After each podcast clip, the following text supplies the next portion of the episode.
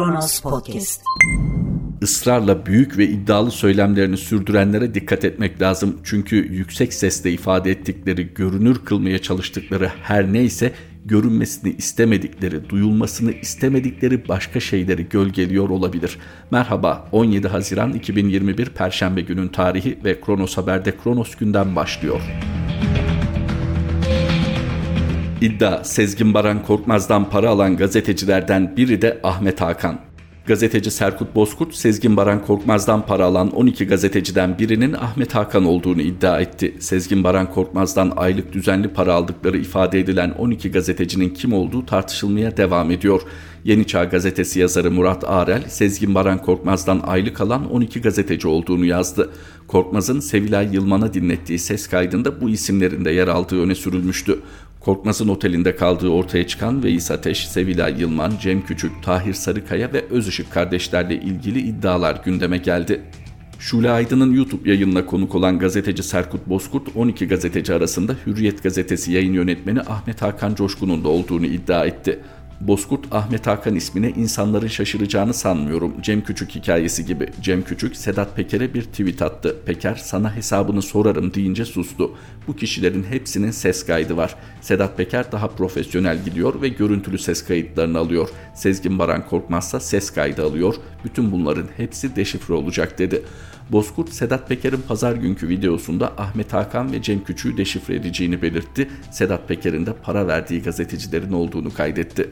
Son cümleden alalım. Kamuoyu önünde bilinirliği olan siyasilere onca para veren Sedat Peker'in gazetecilere de para veriyor olması şaşırtıcı değil elbette.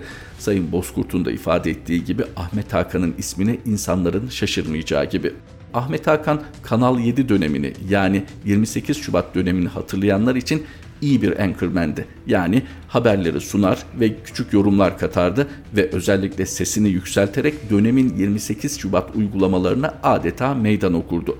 O günler geçti. 28 Şubat'tan sonra 2000'lere gelindiğinde bambaşka bir siyasi atmosfer doğdu ve o siyasi atmosfer içerisinde bir gün baktık ki Ahmet Hakan Coşkun Hürriyet gazetesine transfer olmuş. Olamaz mı? Olur elbette. Fakat o dönem nasıl yorumlar yapılmıştı? Hükümete yakın bir isimdir. Çünkü aynı mahalledendir. İmam Hatip kökenlidir, muhafazakardır. Doğan grubu da hükümetle ilişkilerini iyileştirmek hiç değilse hükümete şirin görünmek adına böyle bir transfer yapmıştır denilebilir mi? O günlerde bu tür yorumlar yapılıyordu. Tamam çok da akla uzak değil böyle yorumlar fakat gördük ki Ahmet Hakan Hürriyet'teki ilk döneminde muhalif bir çizgi tutturdu ve iktidara rahatlıkla muhalefet edebiliyordu. İktidarın yanlış bulduğu uygulamalarını eleştirebiliyordu. Ta ki bir gün Ahmet Hakan'ın saldırıya uğradığını öğrendik. Ardından hemen bir değişiklik gelmedi ama Adalet ve Kalkınma Partisi belki gerçek ajandasını uygulamaya başladığında yani Cumhurbaşkanı Recep Tayyip Erdoğan ekseninde tamamen tek kişiye odaklı bir yönetim biçimini hiç de çekinmeden otoriter bir şekilde ortaya koymaya başladığında gördük ki Ahmet Hakan Coşkun gibi bazı isimler ne zaman nasıl davranacaklarını biliyorlar. Yani iktidarın görece demokrat olduğu dönemde muhalefet edebilirken iktidarın ya da iktidarı temsil eden tüm odakların artık otoriter tarzlarını açık etmeye başladığı andan itibaren ne kadar muhalif olabileceğini ya da bu çizgide devam edip edemeyeceğini herhalde düşünmüş olsa gerek ki Ahmet Hakan Coşkun'da bir yön değişikliği gördük. Şimdi buraya getirmişken ekonomi sahasında uzman gazetecilerden Yiğit Bulut'u da anmak gerek. Hali hazırda Cumhurbaşkanlığı baş danışmanı. Çünkü Yiğit Bulut da şaşırtıcı bir şekilde bir kitap kalemi aldıktan sonra yön değişikliğini ortaya koymuştu. Olamaz mı?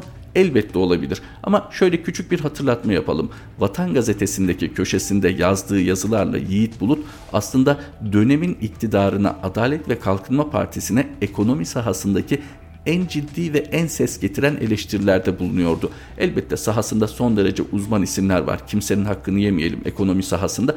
Fakat Yiğit Bulut üslubu ve o dönemki popülerliği itibarıyla ses getiren eleştirilerde bulunuyordu. Sonra ne oldu? Yiğit Bulut fikir değiştirdi. Belki birileri oturdu ikna etti. Bak kardeşim sen bizi böyle görüyorsun ama biz aslında bu memleketin hayrı için şunları şunları şunları yaptık. Bunları bunları planlıyoruz demiş olabilir. O da ikna olmuş olabilir. Fakat ne hikmetse bizim ülkemizde kamuoyu önünde bilinirliği olan bu isimler bu görüş değişikliklerini paylaşmıyorlar. Sadece görüş değiştirerek yollarına devam ediyorlar. Örneği o kadar çok ki Profesör Doktor Numan Kurtulmuş. Has Parti'yi hatırlayacaksınız. Hala söylenir. Has Parti şu an ayakta olsaydı iktidarın en güçlü alternatifi olurdu yorumları yapılıyor.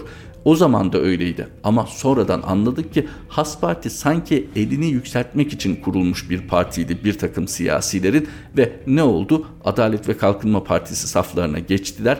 Numan Kurtulmuş'un etkinliği kamuoyu önünde hani kamu hayrına iş yapabilecek etkinliğinin azaldığını hatta isminin neredeyse unutulmaya başlandığını gördük. Ha, kendi istediği alanda farklı ilişkilerde etkinliğini yitirmemiştir ayrı bir mesele. Fakat siyaseten şu an Numan Kurtulmuş'un bir etkinliğinden söz etmek mümkün mü? Yukarıdan aşağıya yer aldığı hiyerarşik basamakta elbette kendisine verilen görevler çerçevesinde o da belli bir gücü elinde tutuyor. Numan Kurtulmuş gibi Süleyman Soylu'dan da bahsetmek lazım. Süleyman Soylu'nun Demokrat Parti Genel Başkanı iken oy oranı çok yüksek olmasa bile söylemleriyle çok dikkat çektiğini hatırlıyoruz. Özellikle çok iddialı söylemleriyle hani namusu şerefi karıştırarak yaptığı o eleştiriler vardı ya bugün neden bunlardan kendisi hiç söz etmiyor? Niçin bununla yüzleşme ihtiyacı hissetmiyor? En azından şu mahcubiyeti niye duymuyorlar? Biz Recep Tayyip Erdoğan'ı geç keşfettik. Onun cevherini geç fark ettik ve Geçmişten pişmanız, yaptığımız eleştirilerden pişmanız, bugünkü yolumuz doğrudur. Niye demiyorlar? Geçmişi hiç hatırlatmıyorlar, hiç hatırlamak istemiyorlar. Bu da bizim bir toplumsal zaafımız olsa gerek. Bugün ülkeye yön veren ya da yön verdiğini düşündüğümüz kim isimlerin daha yakın geçmişteki bu 180 derece zıt tutumlarını hiç hatırlatmıyor. Bunun hesabını sormuyoruz.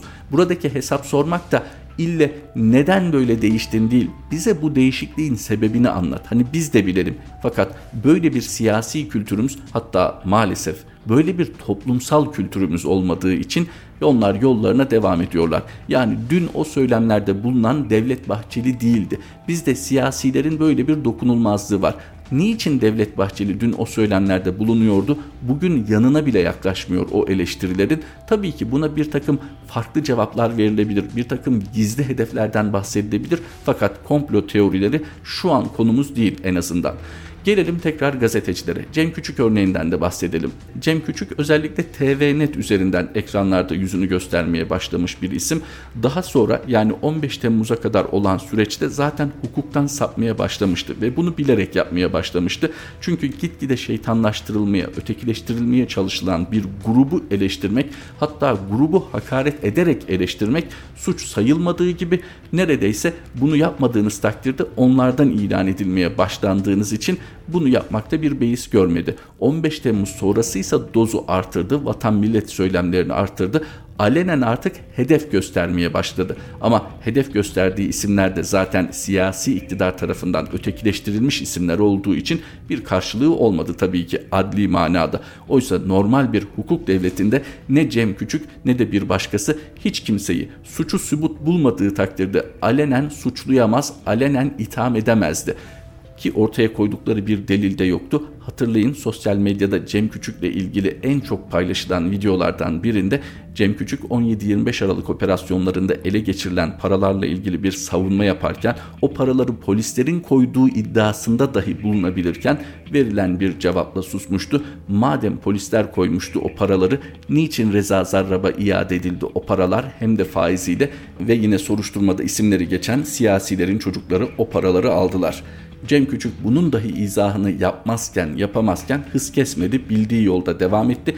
Çünkü bu yolda eğildikçe daha çok para topluyordu belli ki. Eğildikçe, mesleki taviz verdikçe daha da güç devşirdiğini ve belki daha da zenginleştiğini gördüyse ayrılmamış olabilir diye düşünebilirsiniz. Bugün gelinen noktada Cem Küçük önce Sedat Peker'e meydan okudu fakat daha sonra ne olduysa ki ne olduğunu biliyoruz sildi bunu. Gerçi biz sadece sosyal medyaya yansıyan kısmını biliyoruz. Geri planda başka neler konuşuldu onu bilmiyoruz. Ya da Cem Küçük bu meydan okumasını niçin çekme ihtiyacı hissetti? Acaba kendisiyle ilgili göğsünü gere gere ortaya çıkıp açıklayamayacağı bir takım noktalar var. Bunun farkında olduğu için mi? Yoksa şunu mu hatırladı? Bugün dışlandı diye biz ayıp etmeyelim. Sedat Peker bir dönem çok sıkı desteklediğimiz iktidarın destekçisiydi. Yani aynı saflardaydık. Hani düşene bir de ben vurmayayım diye mi düşündü? Tabi siz yakıştırabiliyorsanız böyle bir düşünme biçimini şu ana kadar çizdiği profil üzerinden. Cem Küçük, Rasim Ozan Kütahyalı, Süleyman Özışık, Hadi Özışık, Sevilay Yılman pek çok isim malum konuşulmaya başlandı. O isimlerden biri de Veys Ateş. Veys Ateş de yine Ahmet Hakan gibi muhafazakar mahalleden gelen bir isim. Sezgin Baran Korkmaz, Veys Ateş gazeteci değil, şantajcı ve kumpasçı. Gazeteci Uğur Dündar, Sezgin Baran Korkmaz'la görüştüğünü, Veys Ateş için Veys Ateş gazeteci değil, şantajcı ve kumpasçı ifadesini kullandığını söyledi. Dündar Korkmaz'ın 12 gazeteciye maaş verdiği iddiasının doğru olmadığını söylediğini aktardı. Tele1'de Evren Özalkuş'un sunduğu Türkiye'nin Geleceği programına konuk olan Dündar şunları söyledi. Dünden beri Sezgin Baran Korkmaz'la konuşmaya çalışıyorum. Bu dedikoduların ne kadarı doğru ne kadarı yanlış onları öğrenme gayreti içindeyim. Diyor ki 12 kişilik konuşma listesi olduğu yalan diyor. Veys Ateş'le ilgili çok kötü bir sözcük kullandı onu kullanmayacağım burada. O gazeteci değil şantajcı ve kumpasçı diyor. Bunun dışında ses kaydında 12 kişilik bir isim listesi yok. Kimse töhmet altında kalmasın diyor. Ben de Türkiye'de avukatınız sizin adınıza suç duyurusunda bulunabilir. Namuslu insanlar da şaibe altında kalıyor. Mesleğimiz yıpranıyor. Çıkın belgeleriyle birlikte kamuoyuna deşifre edin dedim. Korkmaz'ın Veys Ateş'te bir telefon görüşmesi yaptığı iddia edilmişti. İddialara göre söz konusu ses kaydında Korkmaz'dan Ankara'daki ilişkileri düzeltmek için 10 milyon avro istedi. Veys Ateş muhafazakar kesimin gayet iyi tanıdığı Habertürk'le birlikte bilinirliği artan bir isim. Bir gazeteci olarak biliyorduk. Daha ziyade bir sunucu olarak biliyorduk kendisini. Fakat ortaya atılan iddialar kendisinin bir takım siyasilerle iş insanları arasında ara buluculuk vazifesi üstlendiğini gösteriyor. Kendisi ara buluculuk mu der, hakemlik mi der, kefillik mi der bilemeyiz. Fakat bu ifadeler kendisine ait en azından çıkıp yalanlamadı. Yani ben iki tarafında hakem ve kefiliyim ifadesini kullandığı söyleniyor. İş insanı Sezgin Baran Korkmaz'la konuşmasında. Peki niçin Veys Ateş şu ana kadar çıkıp bu konuda söylenen her şey yalan demedi? Bu kendisinin bileceği iş. Fakat şimdi hakkını yemeyelim. Veys Ateş'in bir de siyasi tarafı var. Süleyman Soylu ile bir geçmişleri var, ciddi bir yakınlıkları var. Onun için bu tür iddialar acaba Süleyman Soylu da bu işin içinde mi sorusunu akla getiriyor. Ve maalesef ülkede gündem öyle karıştı ki belki de tam da siyasi iktidarın isteyeceği kıvama geldi. Yani artık geçim sıkıntısı konuşuluyor mu? Enflasyonda gerçek rakamlar konuşuluyor mu? İşsizlik verilerinin ne kadar gerçeği yansıttığı TÜİK tarafından paylaşılan verilerden söz ediyoruz. Bunlar konuşuluyor mu? İthal kalemleri konuşuluyor mu? Tarımda hangi noktaya geldiğimiz Keza diğer problemler acaba gölgesi altında mı kaldı? Medya kaynaklı gibi görünen bu iddiaların. Medya ile gazetecilikle bir ilgisi yok bunların. Kurulan bir takım kirli ilişkilerden söz ediliyor. Bir iş insanı çok yakınınız olabilir, çocukluk arkadaşınız olabilir. Ama o iş insanıyla kurduğunuz düzenli bir parasal ilişki varsa gazeteciliğiniz her yerde sorgulanır. Böyle bir iddia ortaya atıldığında yapılacak bellidir. Cem Küçük gibi çıkarsınız, meydan okursunuz ama sonra silmezsiniz. Çünkü o zaman daha büyük bir şaibe altında kalırsınız. AYM üyelerinden saraya verilen yetkiye tepki, devlet iştahını kontrol etmeli. Anayasa Mahkemesi kararına göre 24 Temmuz 2018'de çıkarılan 14 nolu İletişim Başkanlığı Teşkilatı hakkında Cumhurbaşkanlığı kararnamesinin 17. maddesinde İletişim Başkanlığı'na bütün kurumlardan istediği bilgileri alma yetkisi verilmişti. Bu maddede başkanlık görevleriyle ilgili olarak gerekli gördüğü bilgileri bütün kamu kurum ve kuruluşlarından ve diğer gerçek ve tüzel kişilerden doğrudan istemeye yetkilidir. Kendilerinden bilgi istenen bütün kamu kurum ve kuruluşlarıyla diğer gerçek ve tüzel kişiler bu bilgileri istenilen süre içinde öncelikle ve zamanında vermekte yükümlüdürler düzenlemesi yer almıştı. Özetle Cumhurbaşkanlığı İletişim Başkanlığı istediği tüm kamu kurum ve kuruluşlarından yeterli değil diğer gerçek ve tüzel kişilerden de istediği bilgiyi alabilecek, vermekle yükümlü olacak vatandaşta. CHP düzenlemedeki gerekli gördüğü bilgileri ibaresinin anayasaya aykırı olduğu temel hak ve özgürlüklere ilişkin konuların Cumhurbaşkanlığı kararnamesiyle düzenlenemeyeceği gerekçesiyle Anayasa Mahkemesi'ne başvurdu. Yüksek Mahkeme 5'e karşılık 10 oyla iptal talebini reddetti. İletişim Başkanlığı'na verilen bu yetkinin anayasaya aykırı olmadığı belirtilen gerekçeli kararda başkanlığı görevleri kapsamında gerekli gördüğü bilgileri istemeye yetkili kılan kuralın yürütme yetkisine ilişkin konuyu düzenlediği anlaşılmaktadır denildi. Yani Anayasa Mahkemesi ona 5, 10 kişi kabul etmiş, 5 kişi karşı oy kullanmış. Bu şekilde aldığı kararda diyor ki İletişim Başkanlığı yürütme misyonu gereği bu bilgileri istiyor. Yani sizin özel bilgileriniz ülkedeki yürütme erkiyle ilgili bir durum nasıl bağlantı kurmuşsa yüksek mahkeme böyle gerekçelendirmiş kararını. Asıl üzerinde durulması gerekense karşı oy kullanan Başkan Zühtü Arslan gibi diğer isimlerin ne söylediği Özetle orada da onların itirazında da Kronos Haber'in başlığa taşıdığı gibi devlet iştahını kontrol etmeli. Bu şekilde ifadeler yer alıyor. Güzel elbette. Hani Anayasa Mahkemesi'nin, Yüksek Mahkemenin bu şekilde bir itiraz belirten üyelerinin olması güzel. Fakat oran unutmayın ona 5. Yani İrfan Fidan gibi üyelerin geliş şekli hatırlanırsa niçin bu konuda da o kadar ısrarcı olundu? Ne yasa, ne teamül, ne devlet geleneği bunların hiçbiri ciddiye alınmadan İrfan Fidan'ın ilginç bir şekilde Anayasa Mahkemesi üyeliğine taşınması, bundan sonrası içinde bir yatırım olması itibarıyla unutulmaması gereken dönüm noktalarından biridir. Anayasa Mahkemesi içinde söylenecek birkaç cümle var elbette. Eğer otoriter bir eğilim görüyorsanız ki bu normal, siyaset de diğer güç odakları gibi yayılmak ister. Kendi yetki sahasını aşmak ister hatta doğası gereği denilebilir. Kişilerle ilgili daha çok. Fakat siyasete yahut da diğer herhangi bir erke bu sınırları çizecek olan hukuktur. Türkiye'de de en tepede Anayasa Mahkemesi'dir. Fakat şu devlet iştahını kontrol etmeli ifadesinin karşılık bulduğu yaklaşım ne olurdu? Bu tek adam rejimi inşa edilmeden ortaya konulsaydı hatta bunun için sürgün, hapishane ne varsa göze alınsaydı. Çünkü şu an içeride bulunan hukukçuların pek çoğu bunu göze almış isimler Keşke mevcut Anayasa Mahkemesi de ve onlar gibi düşünen hukukçular da vaktinde bunu göze alsaydı. Gelinen noktadaysa AYM üyelerinin o 5 üyenin başkan dahil bu şerhinin maalesef bir etkisi yok. Tabii ki kendilerinin geleceğe dönük bırakacakları izler açısından önemli. Artık iletişim başkanlığı rahat bir şekilde tüm verilere erişebiliyor. Hem de tüm kamu kurum ve kuruluşlarından yetmez, tüm gerçek ve tüzel kişilerden istediği bilgileri alabilecek. Çünkü mahkemenin gerekçesine göre yürütme erki faaliyetleri kapsamında. Jandarma Komutanlığı ihalesini Oğuzhan Asiltürk'ün yeğeni kazandı. Saadet Partisi Yüksek İstişare Kurulu Başkanı Oğuzhan Asiltürk, İstanbul Sözleşmesi'nin kaldırılması sürecinde Cumhurbaşkanı Recep Tayyip Erdoğan'la yaptığı görüşme sonrası kesinlikle kaldırılacağını açıklamıştı. Asil Türk'ün Saadet Partisi'nin Cumhur İttifakı'na katılması için Erdoğan'la temas halinde olduğu konuşulurken yayınladığı 53 maddelik açıklamayla kongrede yönetimi devralmak istediğini duyurdu. Bu gelişmeler yaşanırken Asil Türk'ün yeğeni Cemal Asil Türk'ün sahibi olduğu şirketin İçişleri Bakanlığı'na bağlı Jandarma Genel Komutanlığı İstihbarat Daire Başkanlığı'nın yaptığı ihaleyi kazandığı ortaya çıktı. Konuyu Yeni Çağ gazetesindeki köşesine taşıyan Orhan Uğuroğlu, Saadet Partisi'nde neden muhalefet başladı, bürokraside yaptığım araştırmada gerçeği ortaya çıkardım diye yazdı.